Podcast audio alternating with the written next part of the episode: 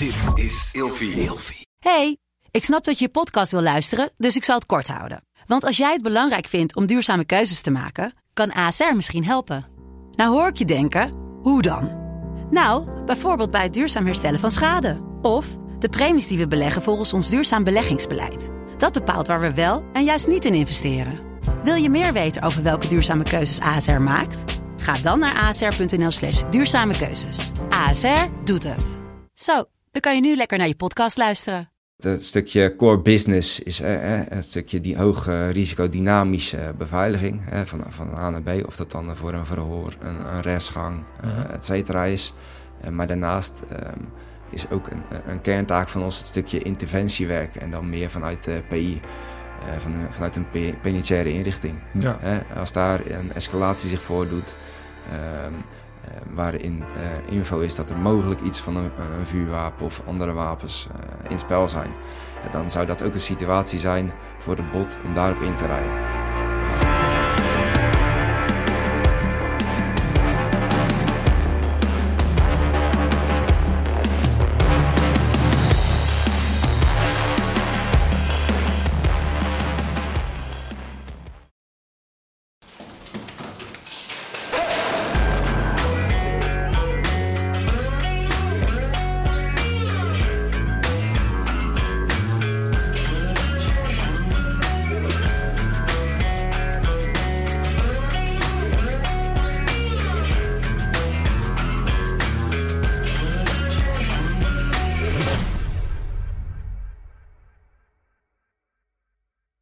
Zo, alles draait weer. Alles eruit weer. kijkers- Maandagochtend. De kijkers natuurlijk niet weten is dat het maandagochtend is. We zijn eh, net met een bak koffie even opgestart. Welkom eh, bij Scherpschutters. Welkom, welkom. Vandaag eh, weer een super gave gast. Want het is niet elke dag dat we iemand met een bivakmuts tegenover ons hebben zitten. Nee, het zijn wel de best bekeken podcast. Ja, En eh, er is zojuist gezegd dat, eh, dat eh, we gaan voor de score van de DSI. Ja. Deze jongen die ziet er een stuk knapper uit dan de jongen van de DSI. ja. Dus Oper- eh, kijk maar. operator at uh, Eat Your Heart Out. Want operator Jimmy, eh, Ja. welkom. Ja, dankjewel. Welkom Jimmy. Hij heet ook. Jimmy en bij het bot begrijpen ze waarom. Ja, Hè? ja dat klopt. ja, bedankt. Ja. Nee, Van go- goeie zaak eh, dat je er bent, man, en dat je aanschuift. Eh, zoals ik tegen operator Ed, Ed ook al zei, ehm, ik heb daar heel veel bewondering voor, omdat eh, je moet er maar gaan zitten. hè. Wij, wij, wij weten waar, waar je vandaan komt en, en hoe dat werkt in die clubjes. En dat is natuurlijk weer van, oh, heb je hem weer? Gaat hij, gaat hij daar voor de camera zitten? Dus, dus je moet het maar doen. Dus bij, aan de voorhand al bedankt dat je, dat je de moeite neemt om hier te komen zitten. Wij weten dat er heel veel mensen zijn die heel erg graag eh, willen weten wat je doet en wie jullie zijn en hoe jullie werken. Eh, dus daar gaan we een heel tof gesprek over hebben. Want we hebben dus aan tafel vandaag eh operator Jimmy, die werkzaam is bij het bot van de TVNO. Waar staat het bot voor? Bijzonder ondersteuningsteam. Ja. Bijzonder ondersteuningsteam. Dus daar gaan we, die wereld gaan we induiken. Yes. En, ehm, vind ik ook heel erg interessant. Want ik eh, moet heel eerlijk zeggen dat, dat, dat het ook een clubje is eh, die natuurlijk relatief jong is. En eh, waar nog wel wat meer bekendheid over kan komen, denk ik. Ik krijg er ook heel veel vragen over van, eh, van onze kijkers. Dus eh, tof dat je er bent. Ja, top. Jullie bedankt dat we uitgenodigd zijn hiervoor. Super. Nou, we moesten wel. Ja. We kregen zoveel eh, vragen. Ja. ja. Ja, ik ben bijna bedreigd. Eh, wanneer komen die live aan de bot nou een keer? Nee, hier zijn we dan. Ja, top man. Ja. Goeie zaak. Hey, goeie zaak. Hoe, ehm, Wie is dat? Jimmy? Laten Ja. we zeggen, wie is Jimmy? Laten we het daar eens over hebben. Wat voor lui zitten er bij het bot? Nou ja, wie is Jimmy? Eh, hij zit dus eh, recht voor je. Uiteindelijk eh, zit ik nu eh, drie jaar bij het bot. Ehm, hiervoor heb ik een achtergrond eh, bij het eh, KST. Eh, daar dan zes, zes en een half jaar gezeten. Ehm, uiteindelijk heb ik dan de overstap gemaakt. Ehm, wat dat betreft, eh, we zitten hier juist om een beetje uit eh anonimiteit te trainen, eh, te treden. En dat, eh, ja, dat maakt uiteindelijk dat ik uit eh, in eerste instantie zelf ook nog nooit van het eh, bot had gehoord. Eh, dat is mooi hè? Uit de anonimiteit Ja, ik- trainen. Dan met een bivak Ja, je trekt er je trekt er uit ja. Ja, tuurlijk. Hey, het beleid is al jarenlang geweest dat we hè, wat dat betreft nog niet eh, kenbaar maken voor andere diensten. En uiteindelijk eh, wist ik er zelf ook niet eh, vanaf. En dat is pas ten tijde van het KST is dat, eh, is dat gekomen. Ja. En hoe komt dat dan? Het KCT, voor de kijkers die dat niet weten, is uh, Korps. Hè? Dus je komt vanuit uh, de groene, ja, de groene, ja. groene kant. Ja, we krijgen altijd uh, opmerkingen over alle afkortingen, dus we proberen ja. dat meteen te, te vertalen. Uh, Korps wanneer ben jij bij het KCT gegaan? dat is 2009 is dat geweest. En hoe oud was je toen? Toen was ik 21. Dus, relatief jong. toen nog de mogelijkheid gehad om vanuit Burger erbij te komen. Ehm, ja, alvorens de kennismakingsdagen die je doorloopt. op het moment dat je positief advies krijgt, kan je dan gewoon de selectieprocedure kan je uiteindelijk ingaan. zo is dat voor mij gegaan. Dus rechtstreeks, je hebt niet eerst bij de Lammer gezeten? Burger, nee. nee. Dus dat is gewoon rechtstreeks uiteindelijk de VO ingegaan, de vooropleiding, die dan acht weken duurt. Um, en daarna aansluitend ga je dan de elementaire commandoopleiding in, ook weer acht weken. En dat maakt uiteindelijk dat je de voortgezette commandoopleiding gaat draaien van een jaar. En dat, was, uh, ja, dat is uiteindelijk het uh, gehele traject tot het moment dat je uh, draagrecht hebt voor de groene beret. Ja. voor heel je leven als het ware. Ja, eens commando, altijd commando, toch? Ja. Hey, waarom wilde jij commando worden? waar komt dat vandaan? Ja, dat, dat heeft uiteindelijk... Uh, kijk, vroeger was het, waren twee dingen voor mij. Commando worden of piloot. Nou, moet ik zeggen, heb ik het traject voor piloot heb ik ook geprobeerd. Helaas niet geworden.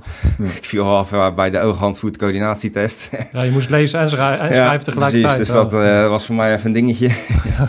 nee, uiteindelijk moest je daar bijvoorbeeld minimaal een 7 voor scoren. En op, op mijn hand of mijn voet scoorde ik een 5 in plaats van een 7. Ja. Wat ze toen de tijd nog zeiden van... oké, okay, prima, wil je dit nog een keer proberen... moet je minimaal een 8 gaan halen voor, uh, voor zowel ieder onderdeel dat we je gaan uh, toetsen. Ja. Nou, zo is uiteindelijk voor mij uh, dat stuk komen te vervallen. En toen ben ik me eigenlijk gaan richten op het, op stuk voor KCT. Heb je, heb je een idee waar dat vandaan komt? Komt het vanuit je familie of had je zelf zoiets ja, van... ja, dat wil ik gewoon graag? Nee, het zit niet per se in de familie. Ik heb uiteindelijk wel een oom die dan ook bij het AT zit. Maar ja, het is een stukje toch vanuit jezelf komt. Ja, je, je zoekt een stukje uitdaging. Je, je bent sportief, uh, je wil wat van de wereld zien. Mm-hmm. Uh, je houdt niet van 9 tot 5. Ja. Je bent gewoon echt op zoek naar uh, de uitdaging. Het, nog redelijk het onbekende wat dat betreft. Ja. Je, natuurlijk, je doet een, een beetje voorstudie, dat soort dingen. Maar je komt nog niet helemaal erachter wat je nou daadwerkelijk gaat doen. Dus het is in die zin ook nog een stukje het avontuur die je, die je ziet in de, in, in de functie ook. Ja, ja. En de uitdaging die het met zich meebrengt dat je uiteindelijk ook in het buitenland gaat. En, en heb, je, heb je dat avontuur gevonden? Voor, je, ja, voor jezelf? zeker. Uh, dat, wat dat betreft uh, zeker gevonden. Uh, ook als je kijkt naar een stukje normen, waarden, opvoeding. hoe je een stukje gevormd wordt daar denk ik dat het zeker een goede aanvulling is. Niet alleen voor mij, maar denk dat voor een hoop, uh, hoop mensen het, het, goed kunnen gebruiken in hun verdere traject, in hun verdere carrière. Uh, ja, het vormt je wel voor je leven. Ja, het vormt je in ja. positieve zin.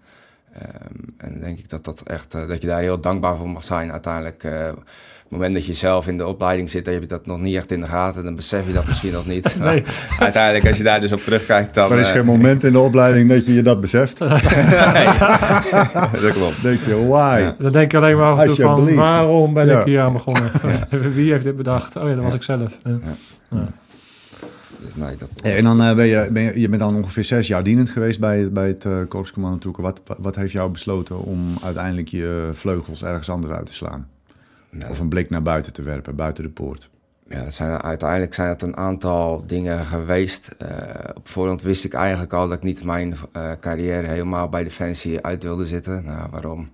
Uh, een stukje woonwerk. Kijk, ik was, ik heb, op voorhand heb ik toen de tijd al gezegd... ik ben eigenlijk niet bereid om voor mijn werk naar bijvoorbeeld Roosendaal te verhuizen. Nou, als ik kijk natuurlijk naar alle kazernes binnen Nederland... die zitten allemaal op minimaal een uur tot anderhalf uur reistijd nou ja, dat, dus dat was ook al een ding. Plus het, het, het werk, het, het hoogst haalbare binnen de defensie, of binnen de landmacht, KCT. Um, op het moment dat je door fase 2 naar fase 3, nou, uiteindelijk houdt dat in dat je een, een contract krijgt voor onbepaalde tijd. Um, ja, dan moet je toch uh, binnen het nieuwe systeem bij Defensie laten zien van oké, okay, ik heb niet alleen bij KST gedraaid, ik heb, uh, ik heb ook een, een, functie gedraaid bij de infanterie of bij, de, ja, bij een andere panzerinfanterie of bij een ander onderdeel. dat maakt uiteindelijk voor het, hetzelfde systeem, wat eigenlijk niet kijkt naar in, hoeveel, in hoeverre ze geïnvesteerd hebben naar je.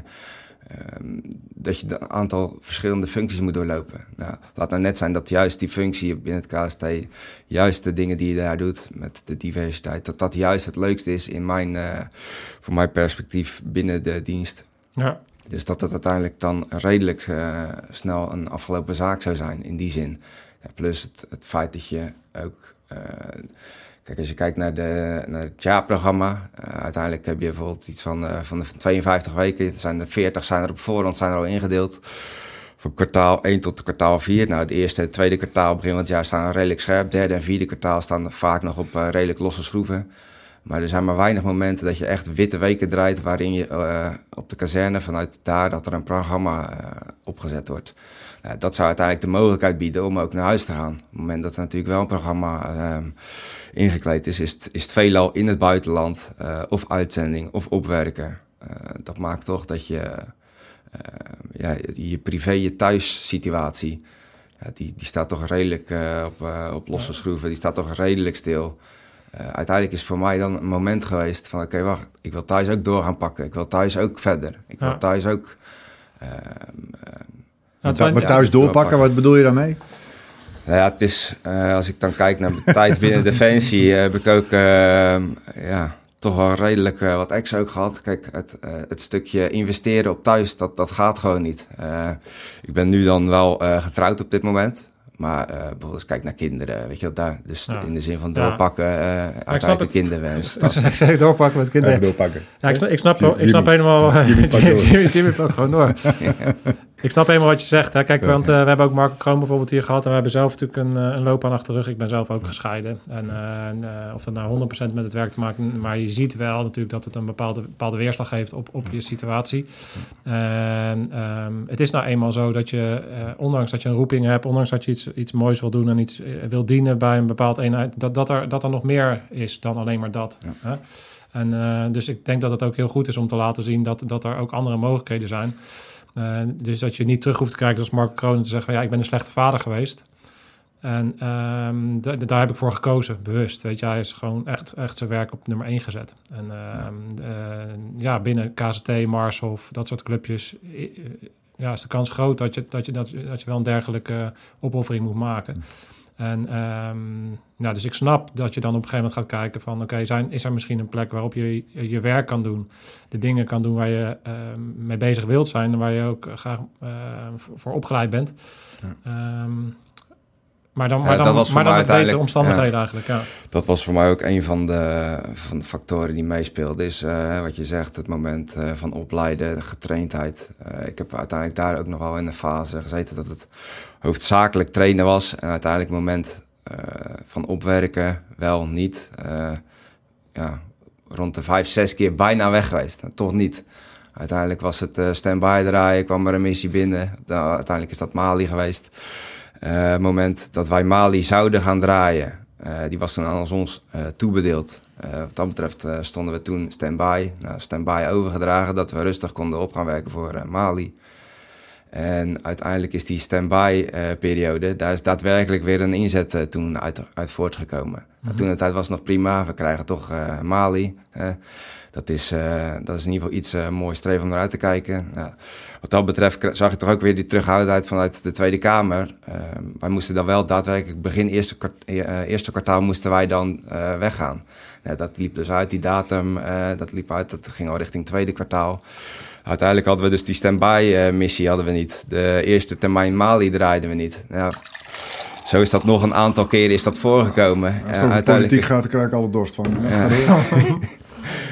Dus ja, dat maakt uh, dat je toch al veelal uh, aan het trainen bent. Dus het was, het was eerder de 90 om 10 uh, eh, trainen versus weggaan, daadwerkelijk operationeel. Ook dat is de werkelijkheid. Dat is een, ja. ja. zeker een belangrijke factor voor mij geweest om de overstap te maken. Als ik nu kijk, ben je elke dag operationeel is het, bezig? Is dat omgedraaid? Ja, ja is dat juist operationeel werk?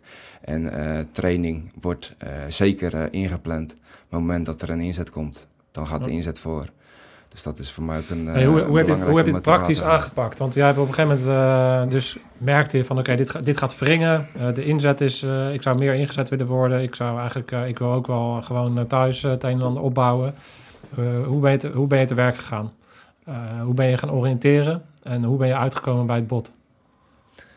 Ja, in eerste instantie, eh, wat je zegt, het stukje oriënteren. Wat is er allemaal nog meer? Nou, uiteindelijk is het, eh, eh, als, als je kijkt naar de specialistische eh, clubjes, eenheden, was het voor mij ook eh, op meerdere paarden zitten. Op het moment dat ik eh, uiteindelijk de keuze ging maken. Dus wat dat betreft de BSB, het AT, het BOT. Moet ik zeggen, het BOT was voor mij toen de tijd ook nog redelijk onbekend. Dat is uiteindelijk ook vanuit een extra rijcursus vanuit Roosendaal is dat gaan, is dat gaan, gaan, gaan lopen via een rijinstructeur die dan toch wel weer de, met een afdelinghoofd uh, contact had van het BOT, dat dat zo is gaan spelen. Nou ja, zo is dat uiteindelijk voor mij in, uh, in eerste instantie een oriëntatie geweest. Ja. Uh, na een aantal, na één of twee contracten binnen KST. Uh, moment ook in de gedachte houden dat je natuurlijk, uh, ondanks dat je de stap natuurlijk wil maken, niet 1, 2, 3 binnen een jaar ook daadwerkelijk ergens anders aan de slag bent. Dus, uh -huh. dus daar met die gedachte ook meegenomen van, hey, mocht ik ergens anders aan de slag willen, moet ik daar toch ook wel weer op tijd mee aan de gang gaan. Op het moment dat je daadwerkelijk uh, ergens anders weer uh, functie gaat vervullen. Uh, een stukje, als je kijkt ook als operator bij het KST, het is toch een slijtageslag ook voor je, voor je lichaam. Dus op het moment dat je die overstap wil gaan maken, ja, dan wil je dat niet gaan doen als je, ja, uh, ik noem even wat 40 plus bent. Ja, als jij al uh, 10, 12, 15 jaar als operator uh, de ene oefening naar de ander, de ene uitzending naar de ander, ja. Uh, als je kijkt naar een stukje aantrekkelijk blijven voor je nieuwe werkgever, uh, een stukje fitheid die je nog hebt, die drijfveer, is dat uiteindelijk een, een, een, een, een, punt geweest voor mij dat ik dacht van hey, nu moet ik wel aan de gang gaan, ook weer met het doorpakken binnen mijn carrière als het ware. Ja. Nou, zo ben ik dus, wat ik zei, ook bij het bot ja. beland. Ben je, ben je, dan gaan solliciteren? Waar, waar, waar klop je dan aan op het moment dat je zegt van oké, okay, uh, bot wil ik uh, iets mee gaan doen? Hoe, hoe, pak je dat aan? Ja, ik heb toen de tijd, dus via die instructeur heb ik het, het nummer gekregen van een, een afdelingshoofd binnen, mm. binnen het bot. Nou, voor mij was dus toen de mogelijkheid ontstaan dat ik daadwerkelijk een dag mee kon draaien. Een dag mee kon draaien is dat, is, dat ze mij de kans gegeven hebben om daadwerkelijk in het team, in het transport, binnen de inzet, dat ik daar uiteindelijk een dag heb kunnen zien van oké, okay, wat houdt het nou daadwerkelijk in? Uh, dus dat is voor mij in de afweging is dat zeker, is dat zeker positief uitgevallen, dat ik een oordeel daarover kon. Maar dat, dat is natuurlijk best wel uitzonderlijk in de zin van dat, dat komt omdat je dan bij het KCT zit en dat, dat ze dan dus openstaan om je een dagje mee te laten draaien. Als er jongens kijken die die, die achtergrond niet hebben, hoe, wat zijn de manieren waarop je bij het bot zou kunnen, kunnen komen? Weet je dat? Uh, vanuit KST kan je vanuit Mars of zou je dan waarschijnlijk ook uh, zo'n zo lijntje kunnen leggen. Maar stel dat je, dat je gewoon een burger bent. Hoe, hoe, hoe, kom je dan bij het bot? Ja, dat is uiteindelijk via social media, zoals bijvoorbeeld ook hier voor bezig zijn. Een stukje bekendheid creëren. in eerste instantie zou je toch vanuit burger, wat voor ons de mogelijkheid is om ook extern te werven. Dus als burger is het sowieso mogelijk. Moet je toch wel al uh, ervan gehoord hebben. Je moet wel al via via weten uh, dat, die, dat die functie er überhaupt bestaat. Uh, en hoe je er dan bij kan komen is uiteindelijk het moment dat wij weer gaan werven. als je gemiddeld kijkt naar tot aan de oprichter van het bot, draaien we ongeveer anderhalf jaar. Zit er gemiddeld tussen dat er weer een lichting draait, dat er een lichting binnenkomt. Ja. Uh, nou, hoe kom je dan bij in eerste instantie? Dus via social media. Uh, hebben jullie een website ook of zo? Of, uh... Nee, we hebben geen uh, website. We hebben wel sowieso, als je kijkt naar Twitter, Instagram, dat soort zaken. LinkedIn zie ik ook al ja, bij dingen voorbij komen. maar het, het, simpelweg, het bot is gewoon te weinig bekend. Ja, daar komt het want, want, want, want waar vallen die onder? Wat, waar, waar, jullie vallen niet onder de politie, begrijp ik. Want jullie vallen nee. onder de DVNO. Ja, de DVNO, uh, daar vallen wij onder. Waar staat DVNO voor? Ja. Dat, dat is de, de dienst vervoer en ondersteuning. Mm -hmm. En wat doen zij? Wat, wat, wat, doet, wat doet de DVNO? Nou, de DVNO is uiteindelijk een dienst van uh, plusminus 1100 uh, medewerkers, -hmm. bestaande uit drie divisies. divisie beveiliging, divisie vervoer en divisie specialistische taken. Ja. Uiteindelijk de DVNO is het meest bekend, eh, of het meest zichtbare eigenlijk van de DVNO is de, de witte cellenbussen die je dan eh, wel eens over de weg ziet rijden. Ja. Met verdachten of gedetineerden die ze dan vervoeren van, van, van A naar B. Eh, maar uiteindelijk, eh, het bot valt binnen de DVNO onder de specialistische taken. Dus dat is de derde divisie. Ja. Binnen de specialistische taken zitten wij dus het bot. Ehm, uiteindelijk ook het LBB, Waar staat dat voor, LBB? de landelijke bijstand, de bijzondere bijstandseenheid. Landelijke bijstandseenheid? Ja, landelijke bijzondere bijstandseenheid. Oké, ja. Ehm, uiteindelijk zit daar ook de, de BVIS bij. Dus de, zij verzorgen eigenlijk een stukje internationale strafhof. En eh, EPV, een stukje extra beveiligd vervoer. Dus eh, dan moet je denken aan eh gedetineerde of verdachte. Die heeft een bepaalde beheersrisico, eh, draagt hij met zich mee. Eh, dan wordt er in die zin wordt er iets opgeschaald ten opzichte van het, eh, het witte busvervoer. Ja. Waar eh, twee transportgeleiders eigenlijk bij zitten. Als we kunnen zeggen, oké, dan schalen we iets op. Kunnen we bijvoorbeeld richting EBV, extra beveiligd vervoer. Dan komt er een derde, een, een derde transportgeleider komt er eigenlijk bij. Wat is dan het verschil tussen bot en LBB? LB? Ja, uiteindelijk het bot, het verschil op voorhand is het stukje getraindheid. Als je kijkt naar ehm, eh, de, de duur van de training, waar eh, de, ja, zijn wij eh, wat dat betreft 7 plus, 7, 8 maanden zijn we in opleiding. Eh, plus het team waar wij in opereren. Wij, ja, wij werken minimaal met een team van plus 7 man. En uiteindelijk, ja, dat maakt het eigenlijk dat wij... eh, Dus was het hoger in get- getraindheid en geweldspectrum in de zin van jullie kunnen op een hoger eh, niveau optreden? Is dat, eh, kan ik, Ja, kan ik uiteindelijk zitten wij in het eh, hoogste geweldspectrum. Eh, je kan het eigenlijk zo zien. Eh, wij zijn eigenlijk de, de specialist, de expert op het gebied van dynamisch beveiligen. Dynamisch beveiligen, oké. Ja, ja. Ehm, ja. Maar ja, als je, als je dus even, even, even eh, terugpakkend.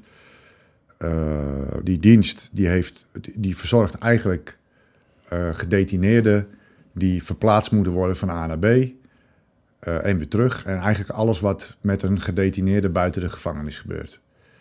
En dat kan dan per persoon, eh, kan er een, een gevaarsclassificatie aangehangen worden. En daarin kunnen jullie in verschillende fases opschalen. En het BOT eh, die verzorgt de, de hoogste gevaarsclassificatie binnen die taak. En dan, en dan, Ja, pra- en dan ja. praat je over de, de holleders van deze wereld. Ja, bijvoorbeeld. zwaarste- eh, en, en, en daarop aanvullend eh, een stukje, als je dan kijkt, het, het hoogste geweldspectrum, de hoogste gevaarclassificatie. eh, er hangt of dan wel een liquidatiegevaar eh, boven diegene. Of eh, gevaar van buitenaf, eh, in de zin van eh, eh, ze willen diegene bevrijden. Het is dusdanig een kopstuk, hij is, hij is van dusdanig belang Ja, eh, dat hij wel eh, bevrijd eh, ja bevrijden. En ook Dus- inderdaad liquidatie, omdat hij dus eh, misschien dingen gaat zeggen over andere criminelen die nog wel buiten de poort zijn. Dus die dreiging komt dus op die manier eh, naar, naar die eh, verdachte toe. En ehm, eh, het, het, het stukje, ehm, als je kijkt ook ten opzichte van bijvoorbeeld het EBV, eh, als je kijkt naar de materialen eh, waar wij mee werken, de voertuigen, dat zit allemaal in het hoogste spectrum. Ehm, Ja, want, want, naar- want als, als die eh, criminelen van dat, eh, spect- van, van dat niveau komen, dan komen ze niet met een eh, klappenpistooltje, maar dan, en dan heb je natuurlijk gewoon te maken met, de AK, met Ja. AK's en misschien zelfs wel antitank, Ja. eh, granaten of weet ik veel wat, of RPG of weet ik veel wat. Dat, dat soort middelen zouden er ingezet kunnen worden als, als ze zo'n actie zouden kunnen plannen. Klopt dat? ja, dat klopt. Een hoop Eh, gezelligheid. Ja. gewoon, eh, ze komen dat maakt uiteindelijk dat we ook eh, dat, we daardoor in de zwaarste klasse panzer eh, gaan zitten. Eh, wat je zegt, eh, het, het, het- de patroon, eh, dat, het kaliber, dat is toch al minimaal 762. Dat zal Ja. niet heel snel een, een 9 mm. Als je ook kijkt waar de liquidaties mee uitgevoerd worden, dat zijn dan gouden AK-47 Kalashnikovs. Eh, waar ze mee eh, voor, de, voor de dag komen. Ja, Dus dat maakt ook dat wij eh, in die zin met de, de zwaarste bepansering aankomen. Met, als je kijkt naar wat wij voor voertuigen inzetten. ja het, is- het verhardt ook, hè? de omgeving verhardt. In de zin van het, het, het, het, het grof geweld wat er gepleegd uh, wordt. Uh, we hadden, onlangs hadden we hier uh, een forensisch specialist aan tafel die 35 jaar ervaring had. En die zei wel, kijk vroeger was het een paar keer schieten met een, inderdaad een 9 mm op straat. En werd iemand uitgeschakeld. Nu tegenwoordig ja. lijkt het meer alsof de jonge gastjes die totaal niet weten waar ze mee bezig zijn. Zo lijkt het hè. Een, een AK krijgen en, en de hele, hele boel omver knallen als ze iemand willen uitschakelen. Dus het de mate van geweld die rond, rondom liquidaties bijvoorbeeld hangt, wat dus ook kan, een, een speel kan hebben naar, naar het bevrijden van een, van een uh, bepaalde kroongetuige of iets dergelijks. Um, ja, dat, dat, dat is verhard. Dus dat, dat zorgt er natuurlijk ook voor dat je die uh, middelen en die getraindheid op een enorm hoog niveau zit, moet zitten. Ja, dat is wat je zegt. Als je kijkt naar vroeger, dan, uh, als er dan een liquidatie uh, uitgevoerd uh, moest worden, dan werd daadwerkelijk werd daar de specialist voor ingehuurd. Hè? Ja, ja, die had een stukje training, had hij ook in die zin. Hij wist wel waar hij mee om moest gaan. Hij wist wat voor wapens hij voorhanden had. Hij wist hoe hij het ging doen. Hij, hij dacht daar zelf allemaal over na. Als je nog nooit met zo'n ding geschoten hebt en, uh, en, je krijgt hem in je klauwen en je gaat in de bak, dan weet je zeker dat het fout gaat. Ja, en, en voor nu tegenwoordig is het inderdaad, uh, doen ze het niet alleen om het geld, maar doen ze het ook daadwerkelijk om snel op te klimmen in die ladder. Ja. Om snel status te bereiken. Om snel uh, aanzien te krijgen. Dus ja, en dan krijg je dus ook daadwerkelijk dat ze het stukje omgaan met het wapen, ja, dat is eigenlijk bijna niet. En onvoorspelbaar. Het is, Ik vind het wel vergelijkbaar als je twee getrainde boksers in een ring zet. Dan, dan is er een bepaald gevecht. Maar moet je maar eens een keer met een onervaren bokser in de ring gaan. Uh, je bent zelf wel ervaren, dan krijg je een heel raar gevecht. Want zo'n zo'n zo'n onervaren bokser die kan hele gekke dingen doen. Uh, zo, zo, uh, zo, kan het natuurlijk met dit, met, met dit type volk ook zijn. Ik bedoel, ze zijn onberekenbaar. meer onberekenbaar dan een professional die een liquidatie doet. En dat heeft ook een weerslag, denk ik, op jullie optreden. Kan ik me voorstellen dat jullie daarmee bezig zijn. Ja. Ja, zeker weten. En ook in het stukje, als je kijkt uh, bijvoorbeeld uh, naar vergismoorden. Of, hè, ze krijgen ook minimaal informatie mee. En waar ze dan voorheen wel daadwerkelijk wisten, oké, okay, het, het, het, het, betreft deze persoon, uh, het betreft dit voertuig, die wijk. Is het nu tegenwoordig, ze krijgen nog net aan een, een foto van gezicht te zien. En, en, en daarmee moeten ze het eigenlijk bijvoorbeeld al, moeten ze het al mee doen. Ja. Dus daarin heb je ook heel snel dat zij daar ook nog eens in fouten gaan maken. Of dat ze het ook uh, denken zeker te weten, maar eigenlijk uh, ja, met het minimale wat zij zelf aan informatie hebben, weten ze het eigenlijk ook niet. En, en uh, even terug naar het begin van jouw carrière. Want jij, op een gegeven moment heb je die overstap gemaakt. Dus jij via jouw lijn heb jij een dagje meegedraaid. Volgens ben je gaan solliciteren. hoe, hoe ziet die selectie er dan uit? En, hoe, en je noemde al zeven of acht maanden opleiding. Kan je ons eens meenemen naar dat, naar dat deel? Van oké, hoe word je geselecteerd en hoe word je opgeleid? Ja. Uiteindelijk het stukje selectie dan, om daar even over te beginnen. Um, je, begint dus uiteindelijk met een, ja, een voorlichting. Deze is niet verplicht, maar um, ja, als je natuurlijk al niet heel veel informatie Hij is niet verplicht, hebt, maar als je niet komt, dan mag, heb je geen schijn van kans. Nee. Zo, zo, zo nou, ja, je wil, ja. Kijk, moment... Zo'n verplichting. ja. ja. Op het moment dat je natuurlijk de voorlichting gemist hebt of je hebt niet je dusdanig verdiept in het, het bod... Uh, kijk, de volgende stap wordt uiteindelijk je, je briefselectie. Ja. Kijk, uiteindelijk is, het, uh, is dat nog een eerste stap. Op het moment dat je natuurlijk bij de voorlichting gezeten hebt, uh, kan je wel daadwerkelijk al een stukje richten van oké, okay, wat is nu belangrijk voor mijn brief? Ja. En uiteindelijk als je kijkt naar je cv, je staat van dienst, wat wel, wat niet, dan kan je dat toch net even iets beter uitlichten. Um, maar op het moment dat je daar dus doorheen komt, word je in eerste instantie word je uitgenodigd voor een, voor een motivatiegesprek. Wat, wat, uh, hoe heb jij je brief, kan je nog herinneren hoe jij... Je, kon je schrijven. Ja, ja, jij, jij kon wel schrijven, want je bent commando. Ik hoorde van, van uh, Marco Kroon dat oh, commando's ja, ja, kunnen lezen en schrijven. Kunnen schrijven. Ja, precies. Ja, dat, dat klopt. Uh, maar, um, ja, dus jij kan lezen en schrijven, dus jij hebt ook een brief geschreven. een beetje gekkigheid, maar kan je nog herinneren hoe jij dat hebt aangepakt? Wat heb je nou in die brief gezet? Maar hoe, hoe, ja, hoe, hoe pak je zoiets aan? Ja, hoe pak je zoiets aan? Uh, je kijkt natuurlijk uh, naar jezelf van hey, wat zijn mijn sterke punten en je probeert natuurlijk uh, erachter te komen waar het bot naar op zoek is. Ja. en daarin ga je naar jezelf kijken van oké, okay, herken ik mezelf hierin of herken ik mezelf daar niet in? Ja. en de punten waar je jezelf herkent, dan ga je uiteindelijk ga je ook voorbeelden erbij zoeken van hey, op dit gebied herkende ik me, maar daar heb ik ook een voorbeeld bij. Ja. Een stukje, als je dan een stukje gaat verwerken in je, in je, in je brief, En dan probeer je dat toch wel naar voren te halen. Dat als je op competenties uitkomt, Ja, eh, waarin als- ze, eh, waar ze naar zoeken, ja, dan Ja. probeer je daar daadwerkelijk ook een voorbeeld bij te stellen. Super. Eh, probeer je te laten zien van oké, dit, eh, dit ben ik, dit kan ik en eh, hier Ja. heb ik ook een voorbeeld van. Ja, dat klinkt common sense hè, voor jou. En Ja. dat, eh, zo- zoals je het vertelt, is dat, is dat waarschijnlijk ook common sense. Maar dat, dat zijn wel hele belangrijke tips. Om, om het, eh, sommige mensen denken, kan me voorstellen, die er mede lopen te strukkelen. Maar het, is- het gaat er dus om dat je gaat inleven. Oké, wat voor een organisatie ga ik nou voor solliciteren? Wie ben ik? En wa- waar, waar kan ik de waarde toevoegen? Waar zijn, naar, naar, eh, waar, waar zijn het eh, naartoe op zoek zijn? En dat moet je dan weten te verwoorden in die brief. En inderdaad, wat je aangeeft, als je dat ook nog eens een keer concreet weet te maken door eh, voorbeelden aan te dragen, dan, dan heb je een mooie basis om, om een brief te Ja, schrijven. en, en, en, en ik vind ook, hè, als je dan je probeert in te leven, en dat is voor een buitenstaander misschien niet heel erg makkelijk, maar in te leven in, in het, het werk wat je gaat doen, dan eh, ga je dus mensen van A naar B verplaatsen, beveiligen in het hoogste geweldspectrum. eh, waar je dan uitermate eh, veel op traint hè, in, in, in, methodes om dat met elkaar te doen, in teamwork. Dus dat, dat, dat klopt allemaal. Maar when the shit hits the van, you're a sitting fucking duck. Ja.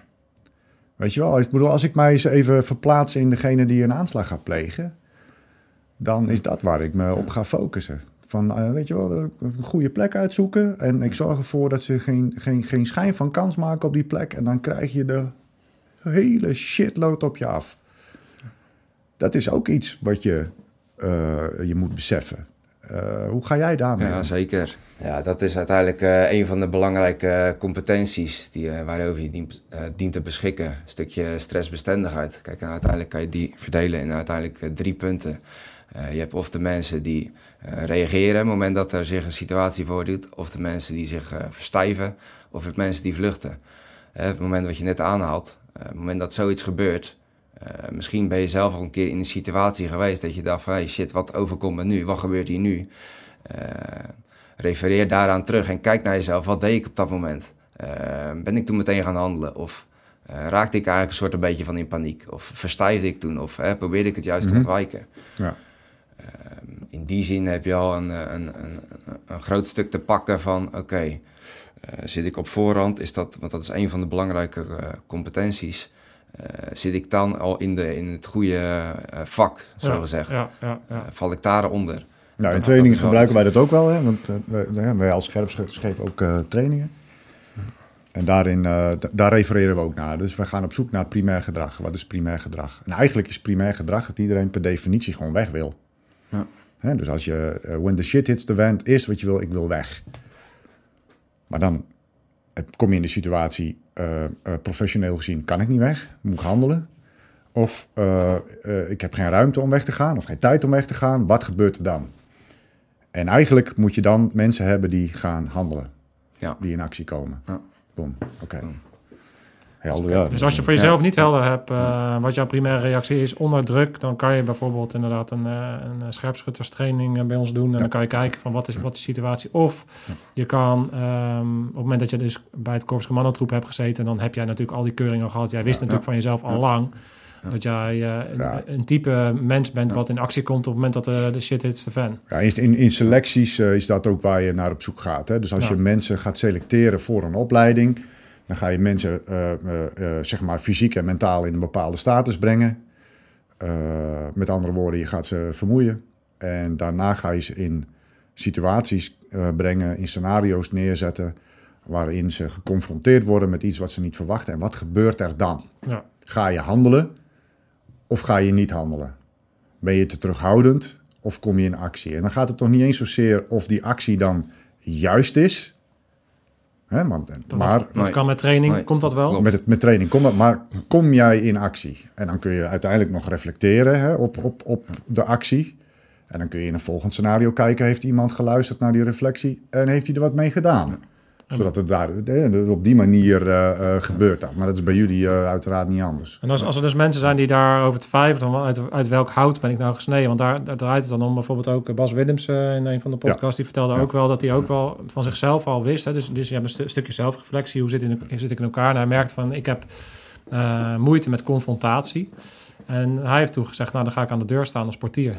Want als je ergens we- 100% zeker weet dat je confrontaties krijgt, dan, dan is het daar wel. Ja. Eh, dus, dus je kan eh, situaties opzoeken waarbij je uit je comfortzone gaat om te kijken van oké, eh, hoe- ja, wel, hoe, hoe reageer ik nou?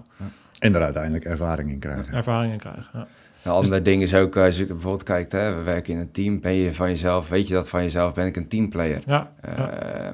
Dus als je bijvoorbeeld kijkt naar eh, voetbal of basketbal, eh, ben je meer eh, van die kant of ben je meer richting eh, tennis, atletiek. of- squash, dat soort ja. zaken, hè, waar je echt individueel gaat presteren.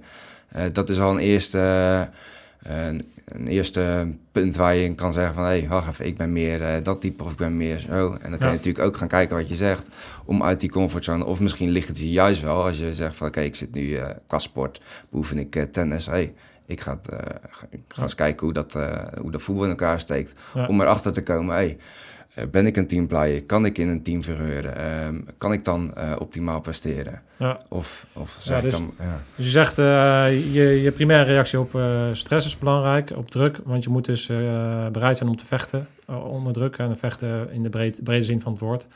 Ehm, in actie komen. Ehm, fysiek zijn, je moet teamplayer zijn. Nou, al die dingen die, heb jij, eh, die had jij, die heb jij in je brief gezet. En vervolgens ben je op, op gesprek gekomen. Eh, daar ben je doorheen gekomen. En eh, toen begon de opleiding. Hoe, gaat, hoe ging dat?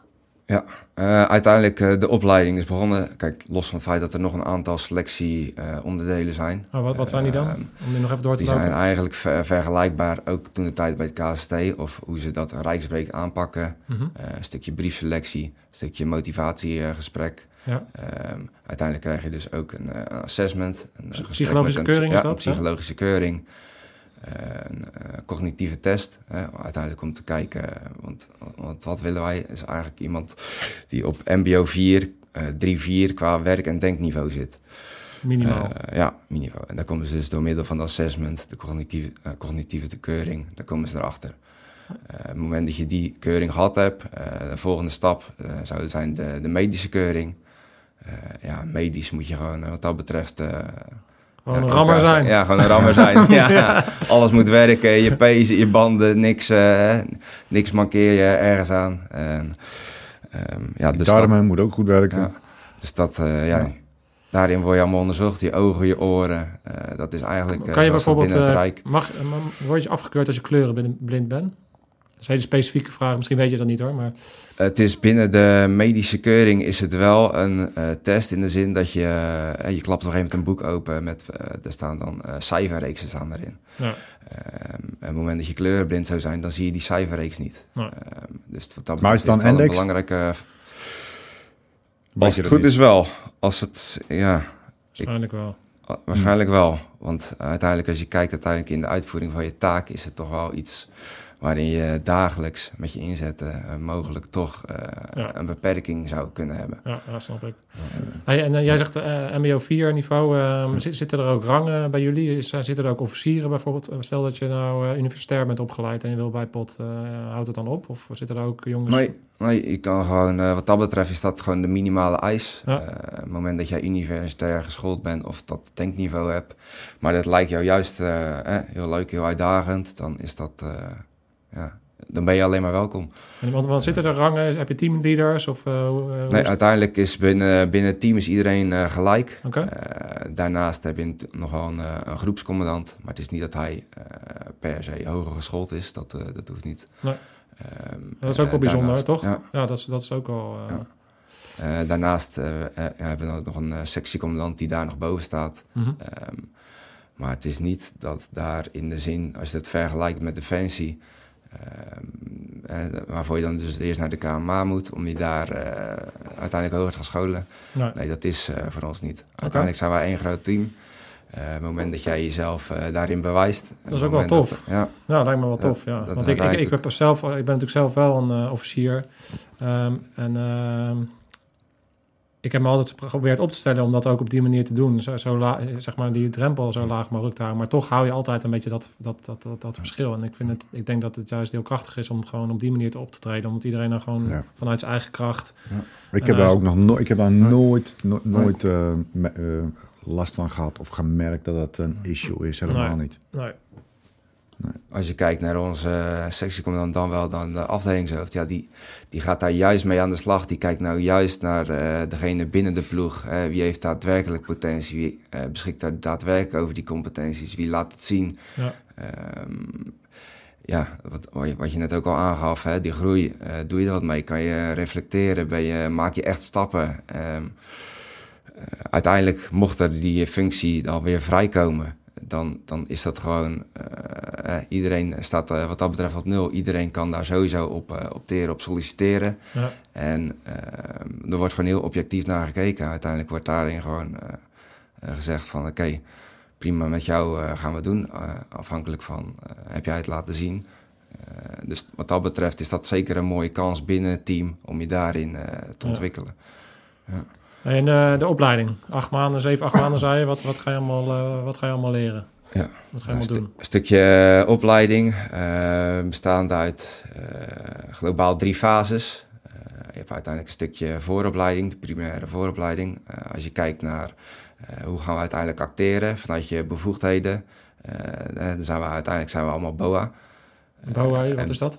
Bijzondere opsporingsambtenaar. Dus, dan, dan, dat is een soort politievaardigheid waarbij je dus mensen mag uh, arresteren? Ja, mag uiteindelijk dat zo dan twee takken, ja, daar komt het wel op neer. Je het moment dat je vanuit je uh, op straat wil gaan acteren uh, met bevoegdheden, ehm, heb je over het algemeen de algemene opsporingsambtenaar binnen de politie. Mm -hmm. dan maakt ook het traject wat dat betreft. Op het moment dat je agent of hoofdagent wordt, zit je een aantal jaar in opleiding. maar dan ben je over algemeen brede zin ben je wat dat betreft uh, opgeleid en mag je op straat vanuit je bevoegdheden acteren. Ja.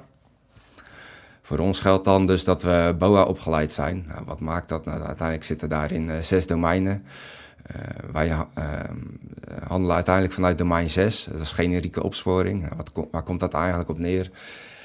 Is dat de, de minister die wijst jou aan voor de aangewezen taak die je uitvoert, dus heel specifiek. Uh, doet de minister jou goedkeuren op het moment uh, waarin jij uh, het domein waarin jij gaat acteren, het publieke domein, daarin wijst hij jou aan, eigenlijk aan voor die taak. Dat je mm. daarin met je bevoegdheden kan acteren, met je geweldsmiddelen. Ja, want jullie lopen natuurlijk gewoon op straat. Ja. ja. Dus, ja. Dus, ja. dus jij binnen, binnen het bot heb je een aantal middelen nodig om je werk goed uit te kunnen oefenen. En wat de minister in feite doet, is een lijst aan middelen uh, opnoemen en zeggen uh, in, in dat domein, als je daar BOA bent, dan kun je al deze middelen kun je inzetten om je werk goed te kunnen doen. Ja. Dus een soort rules of engagement zitten daar ook aan vast? Of uh, ambtsinstructie? Ja, ehm, een soort met van, als je kijkt naar de ambtsinstructie, een stukje wet en regelgeving. Ja. kijk, volgens mij is die redelijk algemeen. Ja, ja, die is wat dat betreft algemeen. Uh, je hebt, uh, proportionaliteit, subsidiariteit. Ja, ja, proportionaliteits- en subsidiariteitsbeginsel. Uh, en, en, en, als zo'n zo'n zo'n bot echt, echt in actie moet komen op het moment dat ze in een ambush terechtkomen, dan is het gewoon zo klaar als een klontje wat er gebeuren moet. Ja. Ja, maar dan zit je dan ook in je noodweer, hè? Bijvoorbeeld, ja, maar ik kan me voorstellen dat als jij zeg maar onderweg iets tegenkomt waarvan je in eerste instantie niet helemaal in kunt schatten hoe wat het is, dat het een stuk lastiger wordt. En dat je daar dan in, in, uh, binnen de uh, uh, proportionaliteit, subsidiariteit naar kijkt en, en, en in doorgaat. Ja. Dat is best een lastig plaatje, lijkt me. Ja, dat is het ook. En daarnaast, um, um, dat wij natuurlijk vanuit, voor, voor DI werken, eh, verdachtes en um, gedetineerden, zitten wij ook nog met het uh, peniten penitentiaire beginselenwet. Dus naast de ambtsinstructie uh, hanteren wij ook nog de, de, PBW afgekort. En, en, dat houdt in dat jullie ook optreden binnen die uh, ja, binnen Dus op het moment dat we in een uh, publieke domein acteren, zijn we, met, in, vallen we binnen onze ambtsinstructie. Maar op het moment dat we ja, vanuit onze BOA bevoegdheden, op het moment dat we dus met de gedetineerden aan het werk zijn binnen de, de rechtbanken, de gevangenissen, binnen dat wezen, alles met de gedetineerden of de verdachten, ja, dat maakt dat we weer ehm, vanuit onze PBB ehm, bevoegdheden moeten handelen. Ja. en daarin is het dus eigenlijk continu schakelen. Op het moment dat we met hem natuurlijk uh, de poort uitrijden, ja, zit je dus eigenlijk ook al in het publieke domein. Uh, en dat maakt uiteindelijk dat je continu aan het schakelen bent van oké, vanuit welke bevoegdheden ben ik op dit moment aan het handelen? Of mocht er wat gebeuren, uh, van welke bevoegdheden maak ik nu gebruik? Ja, dus in het begin van je opleiding moet je al die vaardigheden en al die papiertjes eigenlijk ook dus halen. uiteindelijk eh, is dat eh, de eerste stap is dat geweest. Eh, eh, de primaire opleiding. Dus een, eh, twee weken BOA op, opgeleid. Mhm. Ehm, en toen is uiteindelijk het stukje intern opgeleid eh, worden in Assen. Daar hebben we uiteindelijk ook een hoofdkantoor zitten. En daar hebben ze wat dat betreft ook een... eh, als je kijkt natuurlijk naar Piel en Ossendrecht, is, hebben we in Assen hebben we ook een, een, st- een stukje trainingsfaciliteit. Eh, en daar worden we uiteindelijk eh, opgeleid op onze wapensystemen. Eh, als je kijkt naar onze primaire wapensysteem, dat is dan de Heckler Koch 416. Ehm, daartussen hebben we nog de 9 mm, dat is de MP5. En onze backup, eigenlijk hetzelfde als de politie, is de, de Walter P99. Oké. Nou, daar worden in eerste instantie in de primaire opleiding worden er ook in, eh, in opgeleid. Ja. Ehm, als je kijkt naar het stukje aanhouden en zelfverdedigingstechnieken. Ehm, en, en als je kijkt wat je aan geweldsmiddelen aan je koppel hebt zitten.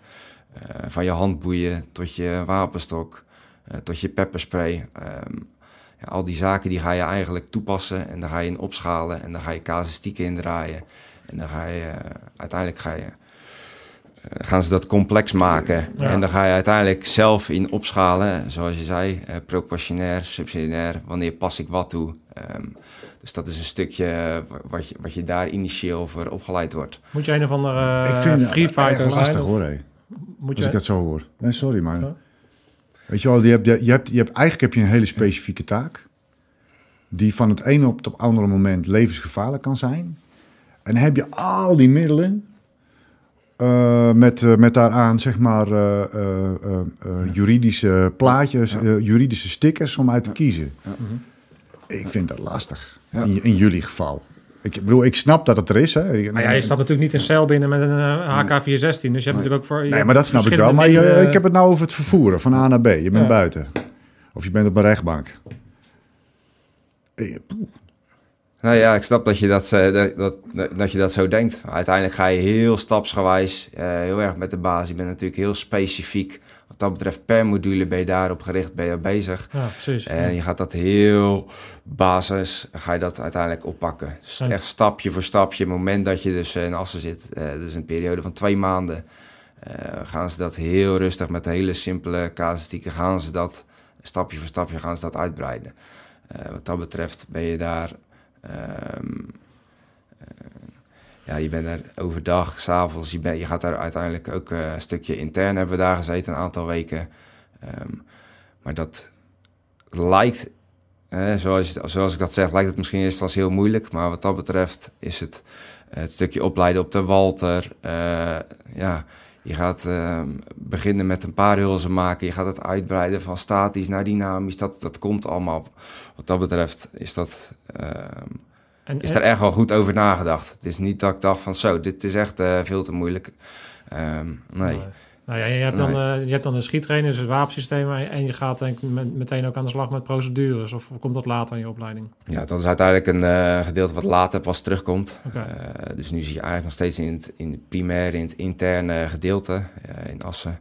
Ehm, dat, dat is dus een ja, gedeelte waarin echt de basisstapjes worden aangeleerd. Ehm, fase 2 is eigenlijk de, de, de rijopleiding. Eh, dat gebeurt dan onder de vlag van de politie, waar de primaire opleiding in Assen. Dat, en dat gebeurt echt onder de eigen organisatievlag.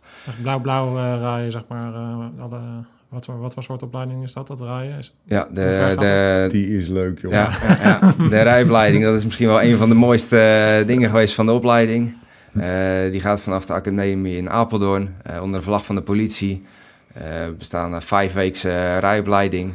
Ehm, je gaat daar initieel ga je kijken, oké, hoe doe ik het op de weg? Eh, een stukje veilig, vlot eh, verplaatsen. Ehm, maar daarin ook een stukje snelheid uiteraard.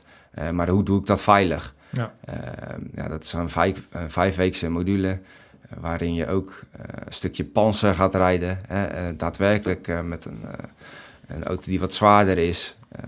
Je gaat eh, circuit. We hebben vanuit de politie, daar hebben ze ook nog een circuit. En, wat is dat? Ja, daar ga je uiteindelijk ook een stukje rijvaardigheid ga je daar eh, toepassen en bekijken. Ja. Ehm, ja, en een stukje eh, ONG, optisch en geluidssignalen. Dat is ook iets wat, waar je dan een klein beetje mee in aanraking gaat komen. Wat is dat? Het uiteindelijk het toepassen van eh, optisch en geluid, dus het eh, pitje op het dak, eh, daadwerkelijk met eh lampjes. Lalu, lalu, ja, lalu. lalu, lalu. Dus dat, eh, ja, daar, kom, daar kom je ook al mee in aanraking. Ja. En dat is een, eh, ja, een opleiding van vijf weken. En daarin ben je eh, initieel, zit je met z'n tweeën, zit je op een, eh, met, met één rijinstructeur. Ja. En dan is het, eh, ja, dan ga je eigenlijk heel, heel het land door. Gewoon gas erop. Ja, gas erop. En laat maar zien dat jij die inhaalkansen kan pakken. Ja. Wat dat betreft, ja, laat je sowieso zien dat je 8, 9 van de 10 inhaalkansen, dat je die eh, beheerst. Dat je die veilig kan toepassen. En niet dat je die doet ter hoogte van kruisingen. Hè? Op momenten waar je het eigenlijk net niet moet laten zien. Ja. Dus eh, vanuit de rust eh, zie je die momenten. En dat, eh, Ja. Ja. Oké. dat, dat is uiteindelijk een beetje de, de tweede fase waarin je zit binnen de opleiding. Ben je ongeveer ben je dan op de helft, op het moment dat je die afgerond hebt. En dan begint het stukje de primaire botopleiding. Dat gedeelte wordt verzorgd op het PIOG in Ossendrecht. Ja. Ook 15 weken. Eh, en dat is uiteindelijk waarin eh, procedure technisch, een stukje praktijkgericht trainen, eh, wat daar uiteindelijk eh, aan bod gaat komen. Dan ga je eigenlijk alles wat... Aan eh, bod. Dat komt ja, aan bod. ja. Aan bod. Uiteindelijk alles Verzin wat er eh, op voorhand hè, jou aangeleerd is, dat gaan ze stapjes gaan ze dat een beetje bij elkaar brengen. Eh, gaan ze je eh, binnen het team gaan ze je een beetje laten fungeren. Gaan ze je, eh, wat dat betreft, laten ze je steeds meer los. En dan gaan ze je, eh, wat dat betreft, Nou, ik denk dat er ook wel heel veel vergelijkingen zijn, eh, zeg maar, eh, met een DKDB-opleiding. eh, Ja, eh, zeker. eh, het is an- bin- Ja. binnen een ander segment, maar DKDB-opleiding is eh, zeker te vergelijken. Die wordt daar ook eh, verzorgd. Eh, als je kijkt, Ja. een stukje... Maar het is, ook, het is maar close protection. Dus, van, Ja. dus het Ja. beveiligen van iemand die op gezette tijden uit zijn veiligheid. Over het algemeen is dat ook worden. een, een verschil. De DKDB eh, over het algemeen met een positieve te beveiligen persoon werkt. En wij dan noemen dat met een negatieve te beveiligen persoon. Dus Ja. kijken dan bij DKDB. Hè, en dan moeten zij, eh, wat dat betreft het grote verschil is dat zij daar iets meer een flexibiliteit moeten tonen in de zin van eh, de, de TBP. Die, eh, de beveilige persoon. de beveiligde persoon die gaat, die heeft een agenda, maar ook naast de agenda kan het ook zomaar zijn dat, dat het toch ook weer, dat ze weer andere dingen wil gaan doen. Ja. Uiteindelijk bij ons, wij, zijn, wij houden altijd het initiatief. Eh, want op het moment dat een gedetineerde of een verdachte ergens naartoe verplaatst wordt en eh, Ja. de zitting bijvoorbeeld of het verhoor, dat is klaar. Ja, diegene die zal nooit bepalen wat wij eh, gaan doen. Dus ja, ik ga even een bak koffie drinken. Willen jullie even stoppen? ja, Nee. dus nee. Hey, maar jij zegt, je houdt altijd een initiatief. Ik weet, eh, over procedures ga ik uiteraard niks, eh, niks vragen. Maar ik ben wel eens benieuwd van, van op, het moment dat jullie zouden aangevallen worden. Kijk, normaal gesproken vanuit je KST-achtergrond. En dan wil je eigenlijk gaan voorwaarts. Want eh, zeker in een ambush kan je natuurlijk eruit vechten. Maar vervolgens wil je ook het momentum overpakken.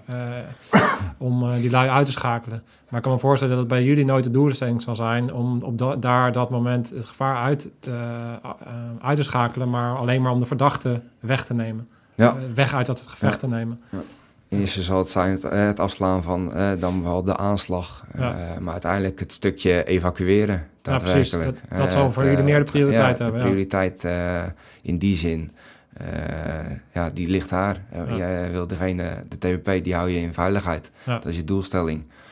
Ehm, kijk, los van het feit dat je misschien eh, op voorhand de, eh, vuuroverwicht moet creëren om daadwerkelijk die eh, evacuatie te kunnen verzorgen. Ja. Ehm, maar ja, zoals je dat zegt, dat, dat klopt. Ja. Kijk, en uiteindelijk is het, kan je een stukje, schalen wij ook op in de zin van de ene inzet is de andere niet. Als je kijkt naar de samenwerking, dan bijvoorbeeld ook met de DSI. de DSI zal dan, op het moment dat zoiets zich voor zou doen, zou de, eh, de DSI het stukje interventie oppakken, hè, Ja. daadwerk- daadwerkelijk aangrijpen. hè. Ja. En dan zouden wij eh, dat stukje extractie, dat stukje... eh, Ja. Ja, dat is belangrijk. Ik Ja. dat ook om het inderdaad een beetje het onderscheid helder te krijgen van inderdaad een DSI is, is natuurlijk een veel aanvallender karakter. Ja. Omdat jullie taakstelling gewoon helemaal ligt bij de, bij de te, te vervoeren persoon. Ja. Hey, ehm, kan je ons eens meenemen naar, ehm, naar het werk, daadwerkelijk?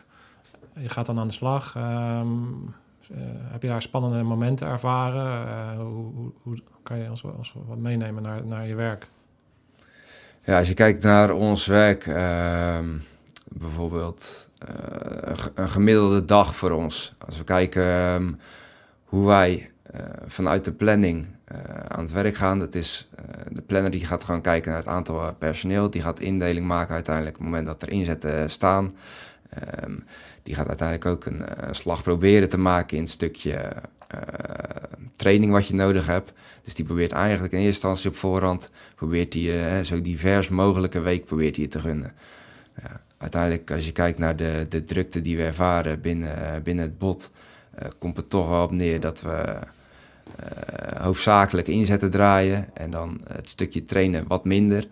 Ehm, maar als je dus kijkt naar een, een, een dag inzet draaien voor ons, uh, dan begint dat uiteindelijk um, vanaf het, een steunpunt waar we te, te werk gesteld zijn. Mm -hmm. waar ook onze panzervoertuigen staan, waar ook onze uitrusting ligt. al die zaken bij elkaar, van, vanaf dat punt.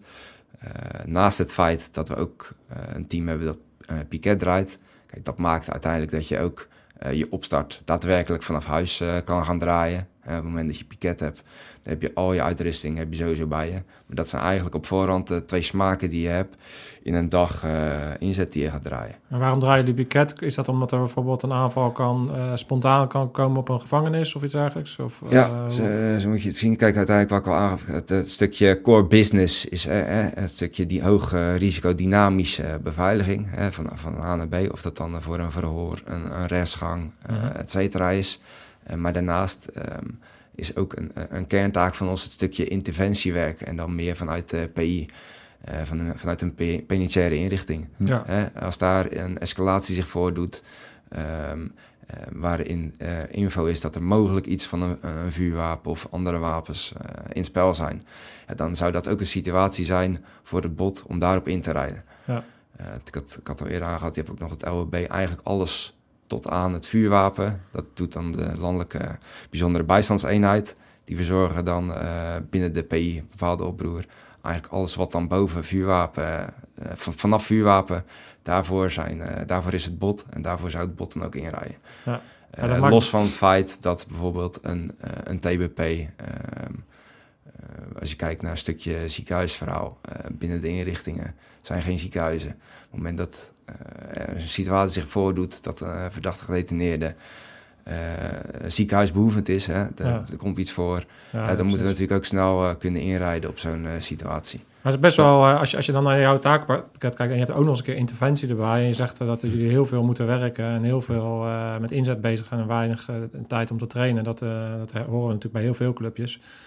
Maar daarin zie je wel dat, dat, juist eh, jullie werk dusdanig ver, eh, veel van jullie vergt. Dat, dat een, een interventie, eh, daar moet je ook een hoop voor, voor trainen. Dan moet je op een hoog niveau zitten om op dat moment een gevangenis binnen te gaan. Wat, niet, wat ook nog eens een keer zich onderscheidt ten opzichte van de gewone interventie. Want je gaat ergens naar binnen waar, waar eigenlijk ja, iedereen een soort van gevaar kan, kan opleveren. Dus dat is best wel een dynamisch terrein waar jullie dan eigenlijk in het hele spectrum in zitten. Nee, dat is zeker waar. Eh, uiteindelijk dat het laatste gedeelte, dus dat is, moet je zo zien, ja, die 7, 8 maanden opleiding. Ja, Eh, de tweede helft van de opleiding, dat ben je eigenlijk continu ben je daarmee bezig. Ja. Wat dat betreft zit dat, als drill zit dat daar zo ingebakken. Kijk, moment dat je inderdaad bij veel lui af in die opleiding? Eh, in de opleiding eigenlijk niet. Nee? Als ik kijk naar mijn opleiding, is, er, is er eentje afgevallen. Van, eh, van, van de 12 man kwamen we uiteindelijk met 11 man eh, kwamen we binnen. Oké. Dus wat dat betreft is de slagingspercentage eh, op het moment dat je de opleiding zit, is, is, is, is eh, bijzonder hoog. Zo, ja, Ja. ja. dat hoor je wel eens anders. Want is, is, is- wordt er nog veel fysiek eh, geëist van jullie tijdens die... eh, is, of wordt het echt op procedures, die, die laatste, dat laatste stuk van je, van je Ja, dat hangt er een beetje af. Kijk, uiteindelijk, als ik kijk naar mijn oplichting, was het gros dat dat een defensieachtergrond. Ja, die had dat fysieke aspect, had dat eigenlijk helemaal niet nodig. En dat zagen ze ook, dat wisten ze ook. Ehm, dus als, je, als ze dan keken naar procedures of het stukje bevoegdheden, de regelgeving, Ja, eh, gaan, zijn ze gewoon eh free-flowend, flexibel, kijken, oké, waar ligt de behoefte, waar ligt... eh, Ja, maar ik vind, ik vind Eigenlijk, ja. hè, dat als jij eh, bij een bot gaat, eh, gaat solliciteren of bij dat soort eenheden, dan moet het hele fysieke verhaal moet Ja, voor jou moet als sowieso, individu eh, geen issue, issue nee. zijn. nee. Als jij in een opleiding mensen ook nog fysiek moet gaan opwerken, Ja. Nee, Ja, dat, dat, dat, dat is een no-go. daar heb je zelf al helemaal geen tijd voor. Nee, natuurlijk moet je eh, daarin nee. een fysieke belasting Ja. eh, eh, schrijven, omdat mensen ook gewoon fit moeten blijven. Maar ik heb ook wel eens opleidingen gezien waar je, waar je super fit uitging en helemaal aan stront uitkwam. Ja. Je denkt van ja, sorry, weet je wel. En, en, en dan moest je gaan werken. En dan was je minder fit dan zelfs toen je eraan begon. Ja, dat, dat, dat, dat- Nou, het, dat- kan, het kan een doelstelling zijn. Kijk, eh, als Ja, je, tuurlijk, als maar- je, je, Maar niet als je, als je dit Nee. soort werk... Als jij acht maanden training hebt gehad... dan wil je toch gewoon fitte lui op die auto hebben... die weten, Ja, waar ze eh, eh, die weten wat ze moeten doen... en Ja. dat jij weet wat je aan ze hebt. Maar dat doen ze dus goed. In Ja. die zin snappen ze dat dus. En snappen ze dus dat ze de, de mensen die ze in opleiding willen krijgen, de, het slagingspercentage eh, ge- hoog zal zijn. Dus de kans van slagen hoog is door een goede voorselectie te doen. Ja. En, en dan gewoon opleiden in plaats van eh, naar de kloot helpen. Wat je bij elementaire opleidingen, zoals je eerste commandoopleiding, Ja, natuurlijk heel anders. verhaal. Maar dat is al een, dat is al een Ja. vorm van selectie. Initieel, ja. Nee, dat is zeker waar. Wat dat zie, die, betreft. die eh, ECO is geen opleiding. Die ECO is een, eigenlijk een Nou ja, selectie. het is allebei. Het is allebei. Maar ook als je kijkt wat je daarvoor terugkrijgt, hè, die fitheid, dat fysiek wat je hebt, een stukje scherp, een stukje alertheid, het lange volhouden, gefocust kunnen blijven. Hè, dat zijn allemaal eh, eigenlijk gratis dingen die je erbij krijgt, Ja. die je eigenlijk helpen in het feit dat je in opleiding een stukje, eh, dat je het eh, wat makkelijker kan behappen, zo gezegd. Maar Eh, wa- dat wa- zijn wat, zou jij, wat zou jij tegen eh, eh, jongens en meiden die bij het bot willen, willen zeggen met betrekking tot gewoon voorbereiding? Kijk, een stukje, als je dus eh, in de opleiding de voorselectie dan kijkt naar eh, het fysieke aspect. dat is sowieso een onderdeel wat al in het begin al terugkomt. Nou, dit is sowieso het onderdeel waar jij het zelf in in de hand hebt, zo gezegd. Eh, de, de, de sporttest die dan wordt afgenomen, die uiteindelijk ook terugkomt in de intest. Die bestaat uit een eh, zevental onderdelen. Ehm, uiteindelijk kijken ze naar een... eh, ze zetten hem eigenlijk weg in een puntensysteem... waarin jij een, een positief advies moet bereiken. Het puntensysteem dat werkt uiteindelijk per onderdeel. Kan je 1, 3 of 5 punten verhalen. Ehm, uiteindelijk is het vanaf 29 punten hanteren we dan een waarschijnlijk een positief advies. Ja. Kijk, 35 punten, dat is eigenlijk waar je naar moet streven. Dat is het maximum haalbare. Ehm, maar als je dan kijkt naar de, de onderdelen, is eh, een onderdeel is bijvoorbeeld de 1500 meter. Eh, kan je deze binnen uit mijn hoofd 5 minuten 30 kan je die, eh, kan je die lopen. Dus Wow, achteruit ook. Wow. ja, waar ga je zelf op trainen? Ehm, is, eh, want uiteindelijk ga je het allemaal combineren. Want je kan wel denken, hey, ik kan individueel eh, per onderdeel. eh, ik pak eh, op dag 1 pak ik die 1500 meter. Nou, uiteindelijk ga je jezelf ook prikkelen in de zin van, hey, op het moment dat de sporttest is, wordt deze ook in een, een dagdeel afgenomen. Ja, Dus ik kan zeggen, ik kan, want dat, dat is een ander onderdeel, ik kan 15 keer optrekken. Ehm, dat is ook weer het minimale om de vijf punten te halen. 15 keer optrekken. Ja, 15 keer. En dan pakken ze daarvoor de onderhand en de bovenhandse greep. Een, een ander onderdeel is de 10 kilometer duurloop. Nou, kan je deze binnen, binnen de drie kwartier. eh, levert het je weer vijf, eh, vijf punten op. Nou, uiteindelijk eh, 50, 55 minuten bijvoorbeeld drie. En eh, vanaf een uur is bijvoorbeeld één punt. Ja. Nou, uiteindelijk heb je nog een ander deel. eh, on- ander onderdeel is ook de, de zwemtest. Een stukje eh, schoolslag en rugslag. eh, twee keer 100 meter. Ehm, ja, dat zijn gewoon dingen die je eh, heel goed zelf kan trainen. Eh, die test die is gewoon eh, voorhanden. De eisen die, eh, met de punten, dat, dat, dat staat gewoon allemaal op papier. Ja, maar waar vinden, waar, waar, weet je waar mensen dat kunnen vinden? Is, is er een plek waar je dat zou kunnen opzoeken?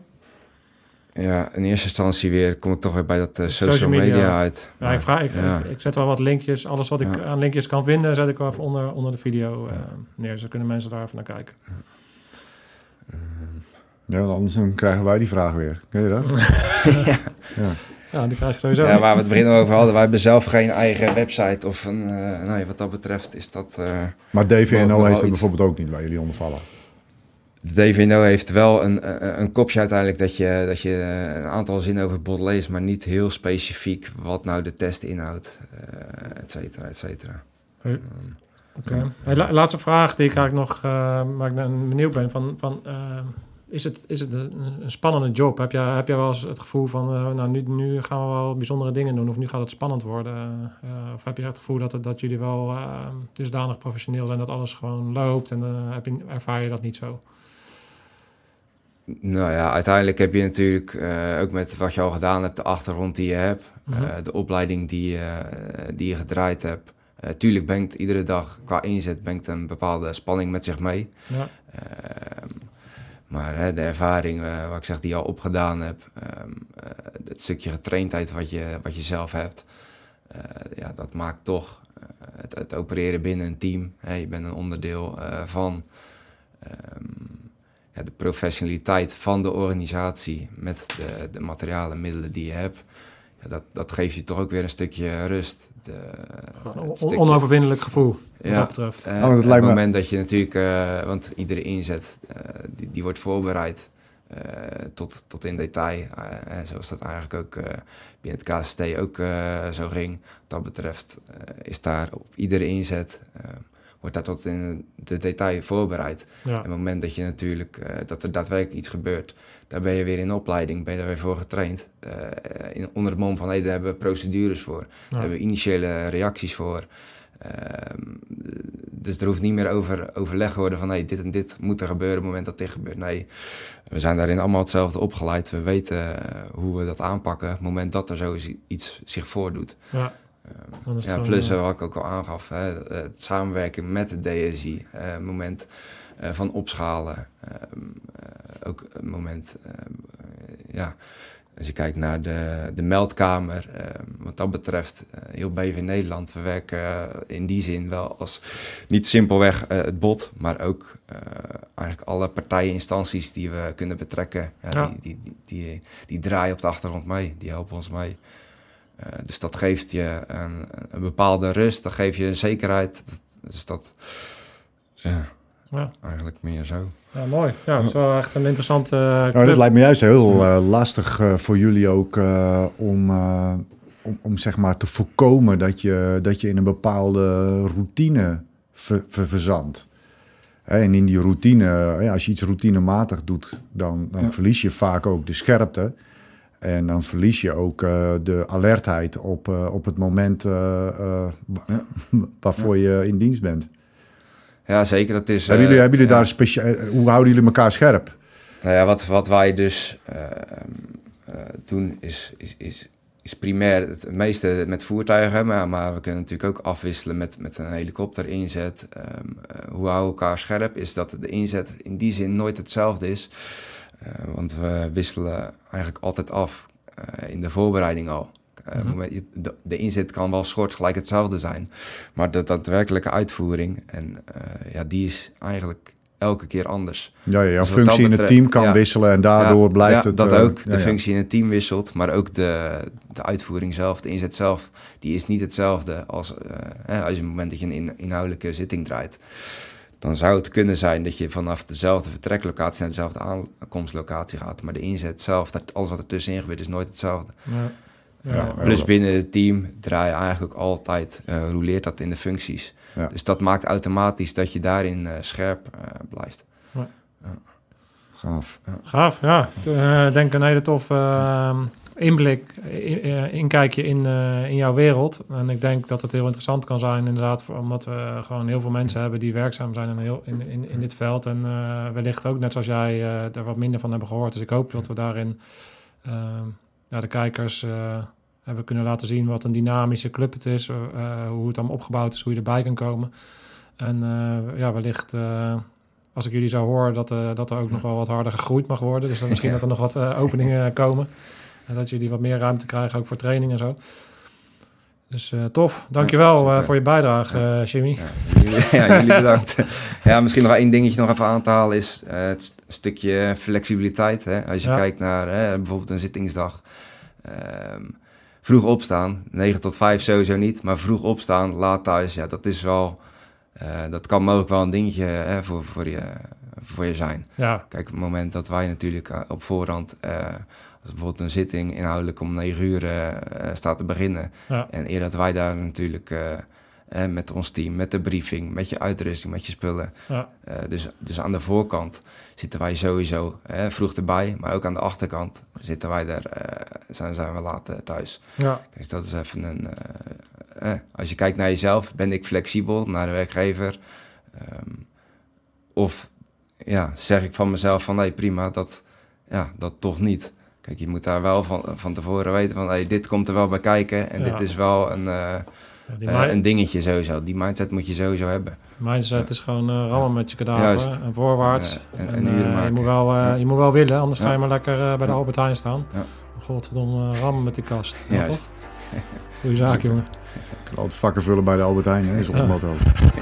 Niks mis mee met de Albert Heijn Ja, en vakken vullen. Helemaal niet. Tof, alles gezegd? Ja, zeker. Alright, super. Dankjewel. Dankjewel, man. Jullie bedankt. Gek.